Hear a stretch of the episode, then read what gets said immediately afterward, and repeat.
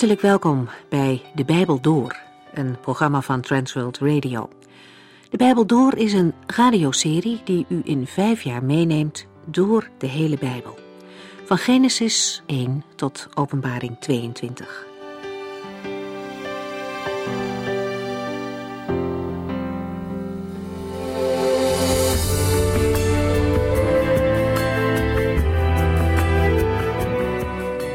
De vorige keer ging het onder meer over arm en rijk. God had het zo bedacht dat alle mensen gelijke kansen kregen. Hij gaf regels waardoor niemand uitgesproken rijk of arm zou worden. Er zou voor iedereen genoeg zijn. Het was de bedoeling dat de mensen van Gods volk niet zouden lijden onder armoede. En wanneer iemand ondanks alles toch arm was, dan moesten zijn volksgenoten hun hart niet voor zo iemand afsluiten en ook hun handen gebruiken om zo iemand te helpen. Als we kijken hoe het er nu voor staat in de wereld, dan kunnen we ons daar weinig bij voorstellen. De kloof tussen rijk en arm is immers immens groot. Mensen verrijken zich ten koste van anderen. Het woord van de Heere blijft echter waar. Je bent gelukkiger wanneer je uitdeelt dan wanneer je probeert zo rijk mogelijk te worden. Het is beter om te geven dan om te ontvangen. Ook in Israël kwam het voor dat mensen zodanig verarmden dat ze geen kant meer op konden. God zegt in dit gedeelte zelf al dat er waarschijnlijk altijd armen zullen zijn. In het ergste geval verkocht iemand zichzelf als slaaf. De Heere gaf aan dat zo'n situatie niet voor altijd mocht zijn. In het zevende jaar moest alles kwijtgescholden worden en kwam de slaaf weer vrij. Overigens moeten we bij deze slaven niet het beeld hebben van uitbuiting en mishandeling. Deze mensen waren in dienst en ze hadden ook bepaalde rechten. Als zo'n schuldslaaf vrijkwam, mocht hij ook niet met lege handen worden weggestuurd. Op die manier kon hij ook weer een nieuwe start maken. Mozes voegt eraan toe dat de eigenaar niet teleurgesteld hoeft te zijn over het vertrek van de slaaf. Hij heeft er zes jaar lang profijt van gehad en de Heere zal hem zegenen als hij de slaaf goed heeft behandeld. Verder hebben we de vorige keer nog stilgestaan bij Deuteronomium 16, waarin de drie grote feesten in Israël beschreven worden. We gaan nu verder met hoofdstuk 17.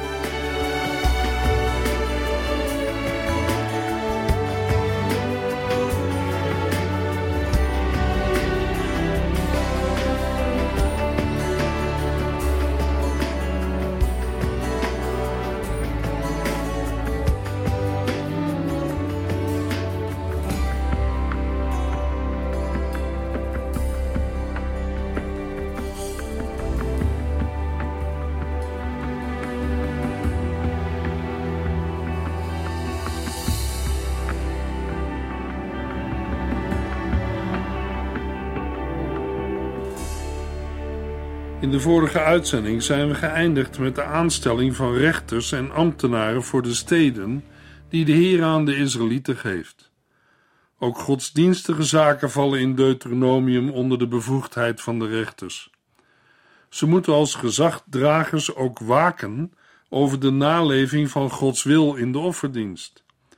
De drie verboden die daarna volgen in Deuteronomium 16 vers 21 en 22 en Deuteronomium 17 vers 1 vormen een illustratie van het gestelde zich helemaal in te zetten voor de rechtvaardigheid. In dit verband met betrekking tot het heiligdom en de offers. De Israëlieten mogen geen gewijde paal van welke houtsoort dan ook oprichten. De gewijde paal draagt in de Hebreeuwse grondtekst de naam van de godin Asherah. Maar uit het vervolg is duidelijk dat het om cultusvoorwerpen van andere goden in het algemeen gaat. Ze mogen geen plaats hebben naast een altaar van de Heere. Het is opvallend dat hier sprake is van een altaar dat de Israëlieten nog maken zullen, terwijl de altaren van de tabernakel al klaar zijn. Er zullen altaren van aarde of steen bedoeld zijn, zoals beschreven in Exodus 20. Zo'n altaar wordt in Deuteronomium 27 voorgeschreven en mag buiten het centrale heiligdom gebouwd worden. Behalve een gewijde paal mag er ook geen gewijde steen geplaatst worden naast een altaar voor de Heere. Hij haat zulke voorwerpen. In het Nieuwe Testament vraagt Paulus welke overeenstemming er is tussen het licht en de duisternis, tussen Christus en Belial. En op grond daarvan spoort hij de christenen aan tot een heilig leven. 2 Korintiërs 6 Deuteronomium 17 vers 1 Offer nooit een ziek of gebrekkig rund of schaap aan de Heer uw God. Hij heeft een afkeer van zo'n geschenk. Het derde verbod heeft te maken met dieren die geslacht worden voor de Heeren. De dieren mogen geen enkel gebrek hebben, want dat zou een gruwel zijn voor de Heeren. Heelheid en volmaaktheid zijn de normen voor de dienst van God. Het is allereerst de taak van de priester om toe te zien op de kwaliteit van de offers. Maar als de priesters die taak verwaarlozen, hebben de rechters de roeping om verandering te brengen. De instelling van de rechters is er te wille van de algemene doorvoering van de rechtvaardigheid, en die betreft zowel de onderlinge verhouding van mensen als ook de dienst van God. Wanneer we het laatste boek van het Oude Testament gaan lezen, zullen we zien dat Malachi de aanklachten opsomt die de Heere tegen zijn volk inbrengt. Een van de aanklachten is dat Israël hem zieke dieren offerde. Dat betekent dat Israël het beste voor zichzelf hield en niet aan de Heere gaf. Zij diende hem met wat over was en zij zelf niet meer wilde hebben. Maar zo wil de Heere niet worden gediend. Luisteraar, laten we ons realiseren hoe wij de Heere dienen. Kan ons dienen het daglicht van zijn genade verdragen? Wij worden niet gezegend wanneer we bedelend en schaars met de Heere omgaan. Ik vind het prima dat er voor allerlei doelen kleding wordt ingezameld. Maar wij kunnen ons ook afvragen: waarom geef ik de kleding die ik zelf niet meer aan wil aan de zending? Vaak hoor je er mensen bij zeggen: dan kan ik ook een keer wat nieuws kopen. De Heere wil niet wat wij over hebben, Hij wil het beste van u, jou en mij. Deuteronomium 17, vers 2 tot en met 5.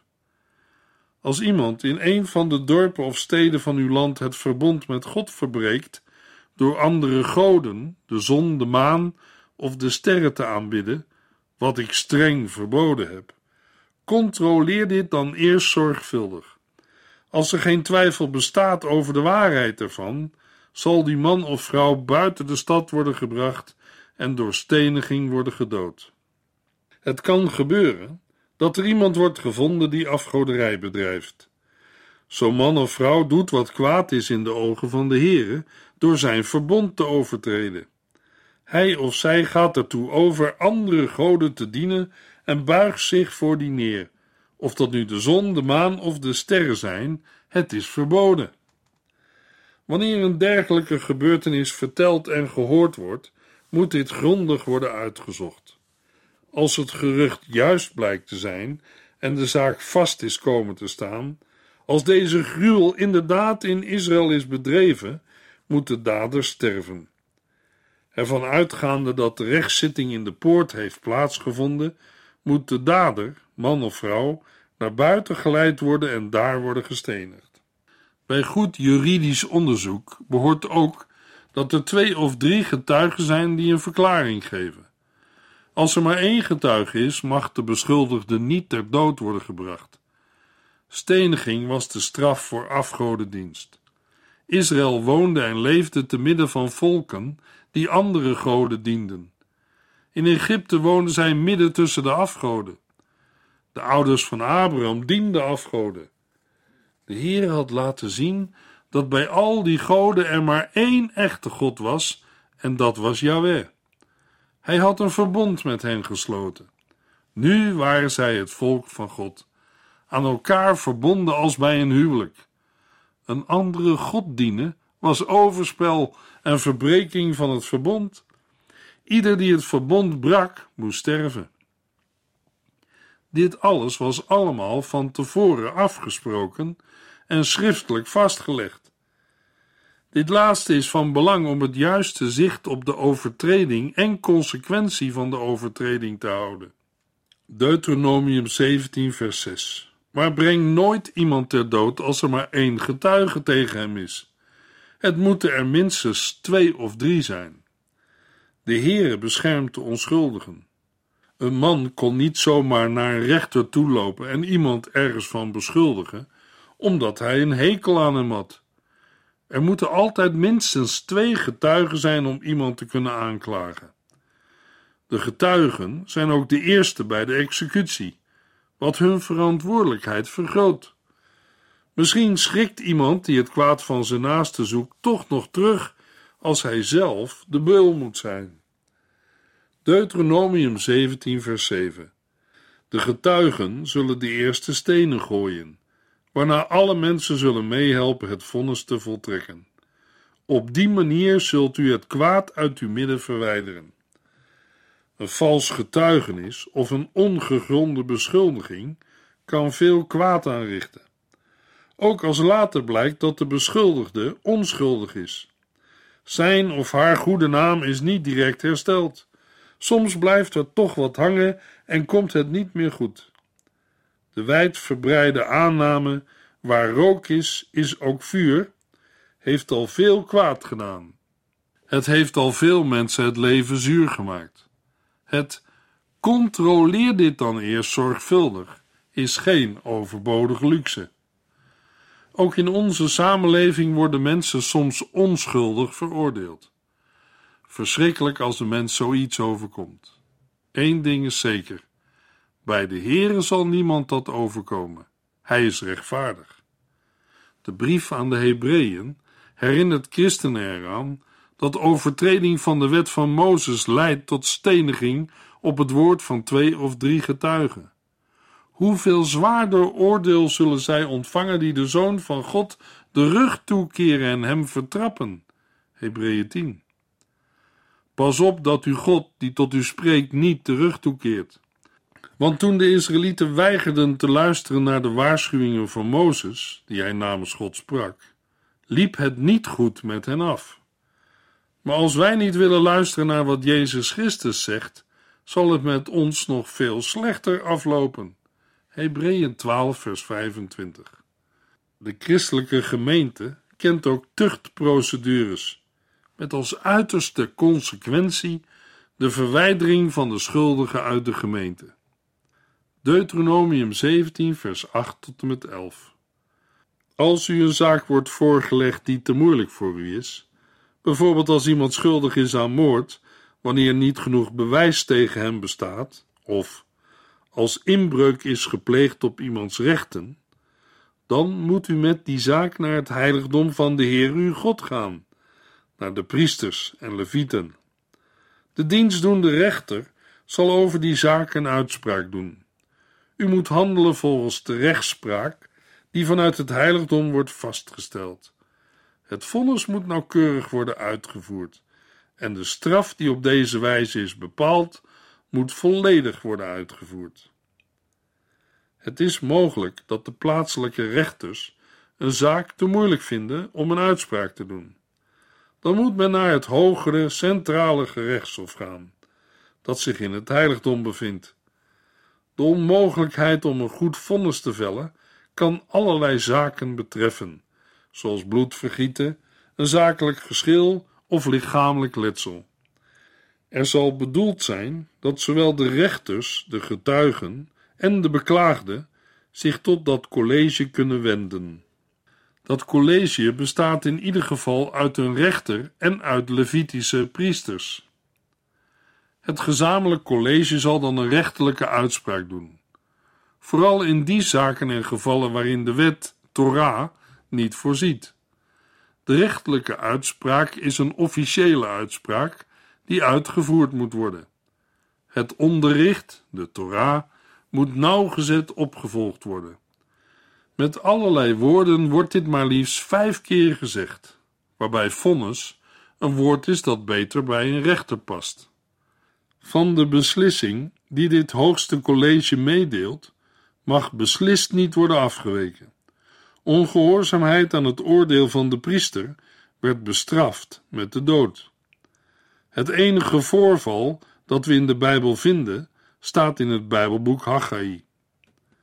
Vanaf vers 14 blijkt dat de Heere weet dat er een tijd zal komen dat het volk om een koning zal vragen. De Heer is er niet blij mee. Dat blijkt uit de woorden: Als u van mening bent dat u een koning zou moeten hebben, net als de volken rondom u. Waarom niet? Omdat de Heere de koning van Israël is. In 1 Samuel 8 is het punt van de koning aan de orde. De profeet Samuel is geschokt dat het volk een koning wil en vraagt de Heer om raad. 1 Samuel 8, vers 7 tot en met 9. Doe wat zij u vragen, want zij wijzen niet u af, maar mij. Zij willen niet dat ik nog langer hun koning ben. Al vanaf het moment dat ik hen uit Egypte wegleidde, hebben zij mij telkens weer afgewezen en zijn zij andere goden gevolgd. En nu behandelen zij u op dezelfde wijze. Doe wat zij u vragen, maar waarschuw hen wel voor de gevolgen van een koning die over hen zal heersen. De Heere zegt al in Deuteronomium 17 dat de koning een Israëliet moet zijn en geen buitenlander. Deuteronomium 17, vers 16 en 17. Let erop dat hij geen omvangrijke paardenstallen bouwt, nog zijn dienaren naar Egypte stuurt om daar paarden te halen. Want de Heere heeft tegen u gezegd: ga nooit meer terug naar Egypte. Ook mag hij niet te veel vrouwen hebben, anders zou zijn hart zich van de Heere kunnen afkeren. Hij mag ook niet buitensporig rijk zijn. Dit zijn de regels voor een koning. Het is opvallend dat juist koning Salomo al deze regels heeft overtreden. Informatie of een bezoek aan de ruïnes bij Megiddo brengt onder de indruk van de geweldige hoeveelheid stallen die koning Salomo bezat. Hij breidde zijn bezittingen in alle richtingen uit. De Heere waarschuwt tegen buitensporig rijk zijn en macht. Salomo overtrad Gods voorschriften door zeer veel vrouwen te nemen. De Heere had daartegen gewaarschuwd, want dan zou zijn hart zich van de Heere kunnen afkeren.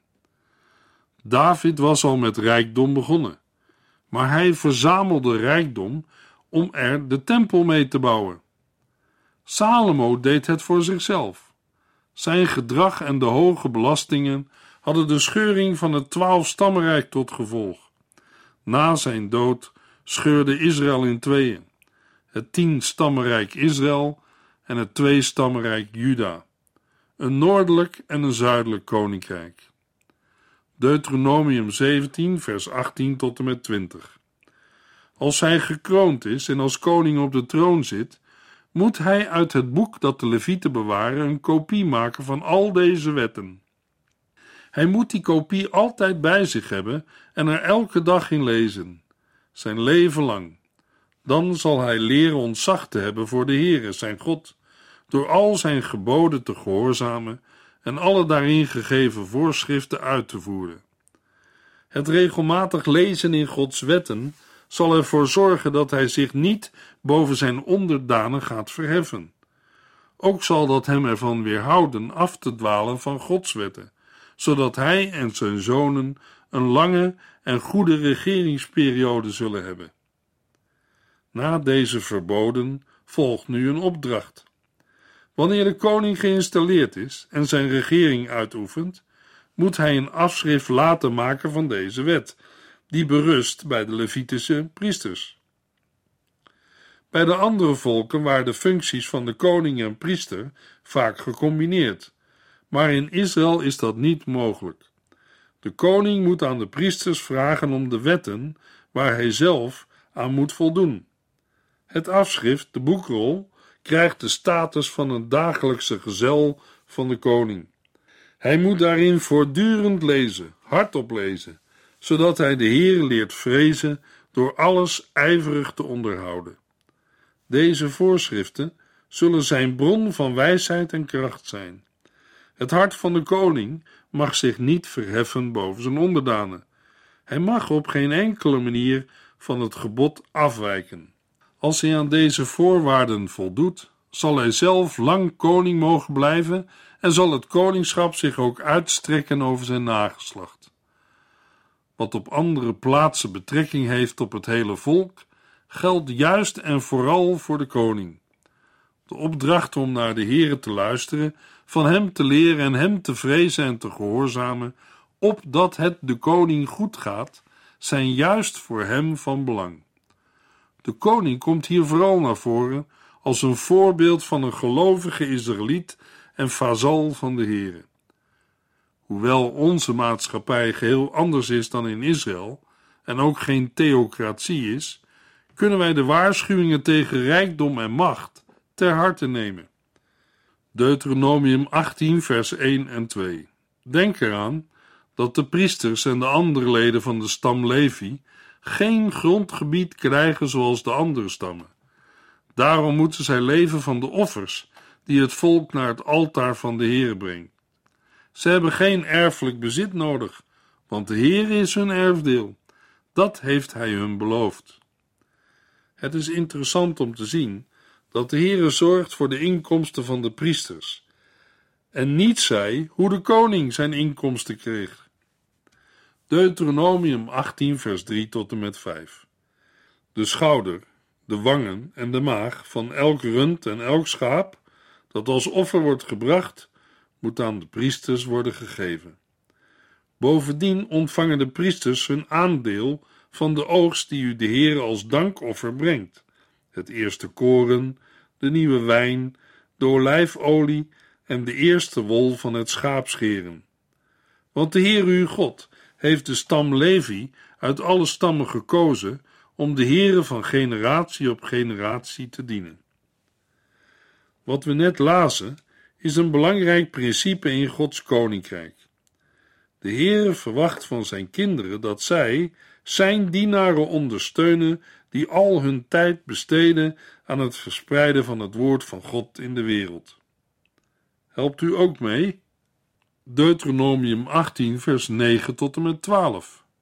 Wanneer u in het beloofde land aankomt, moet u ervoor oppassen dat u niets overneemt van de vreselijke gewoonten van de volken die daar nu leven.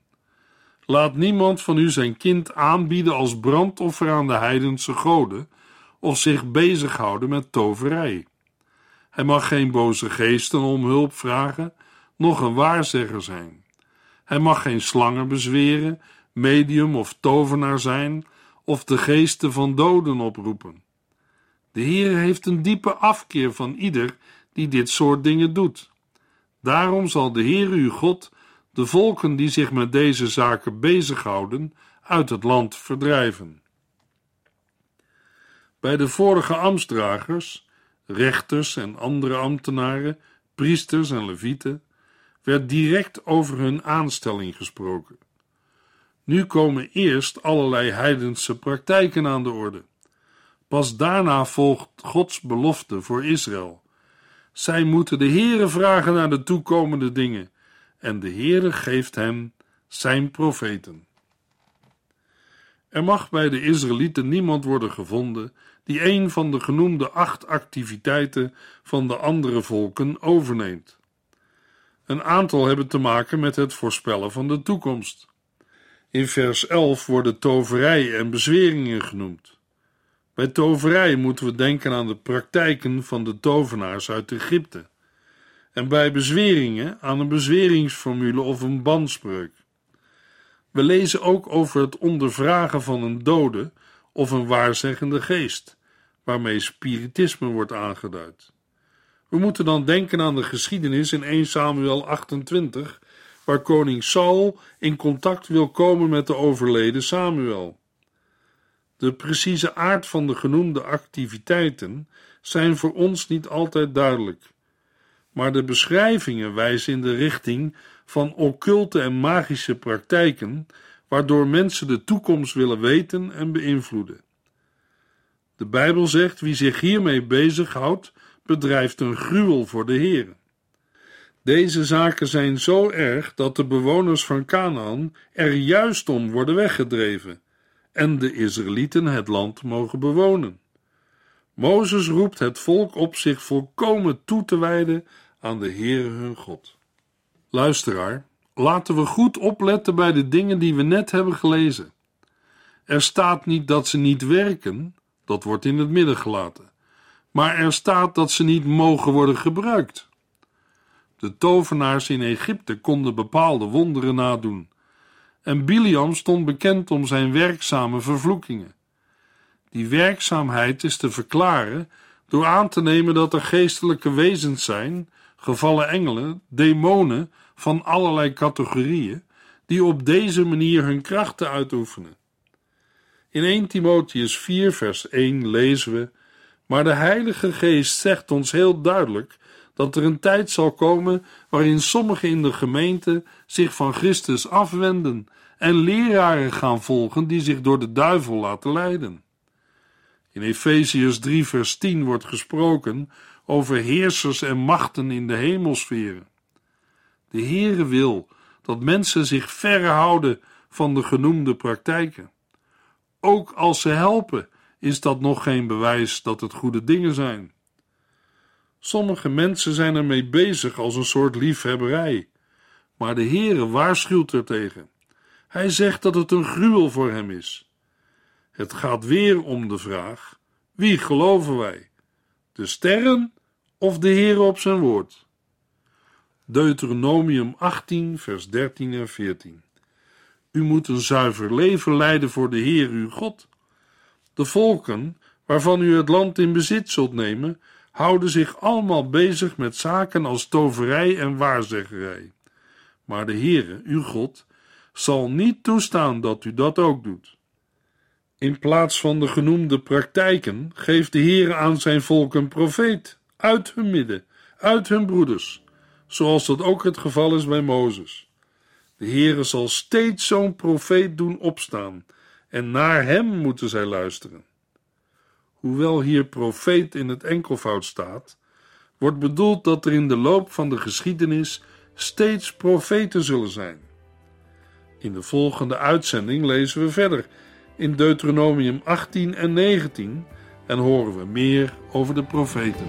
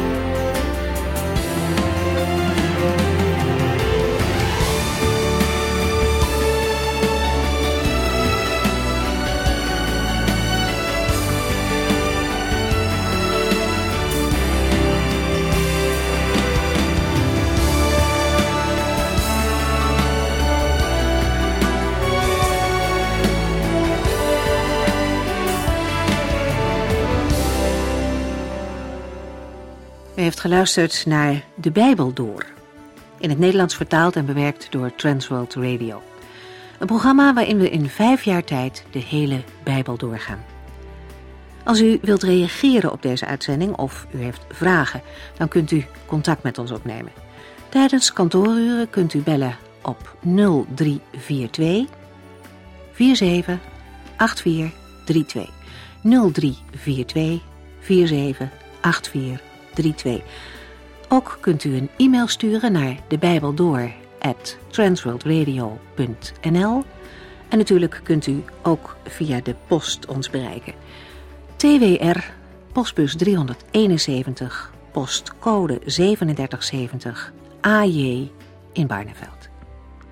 Dit programma werd gepresenteerd door Cor Weda en Ike André. Techniek was in handen van Odin van Woerdekom. En wij allemaal bedanken u voor het luisteren. Graag tot de volgende keer.